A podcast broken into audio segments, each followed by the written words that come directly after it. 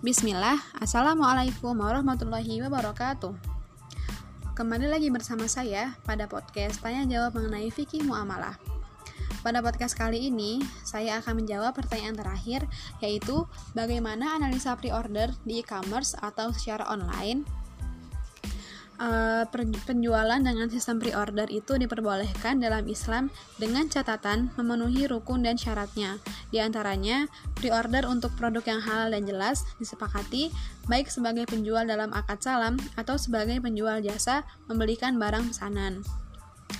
Dari aspek fikih muamalah, model bisnis pre-order ini e, diperkenankan menurut syariah jika memenuhi rukun dan syarat di antaranya pertama objek barang atau jasa yang diperjualbelikan itu halal.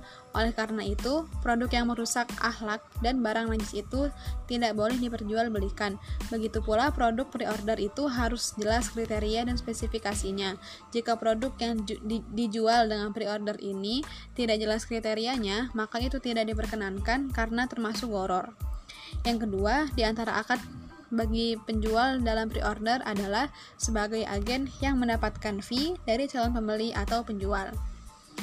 Uh, sekian dari saya. Bila banyak maafnya, bila banyak salahnya, mohon dimaafkan. Uh, Assalamualaikum warahmatullahi wabarakatuh. Terima kasih.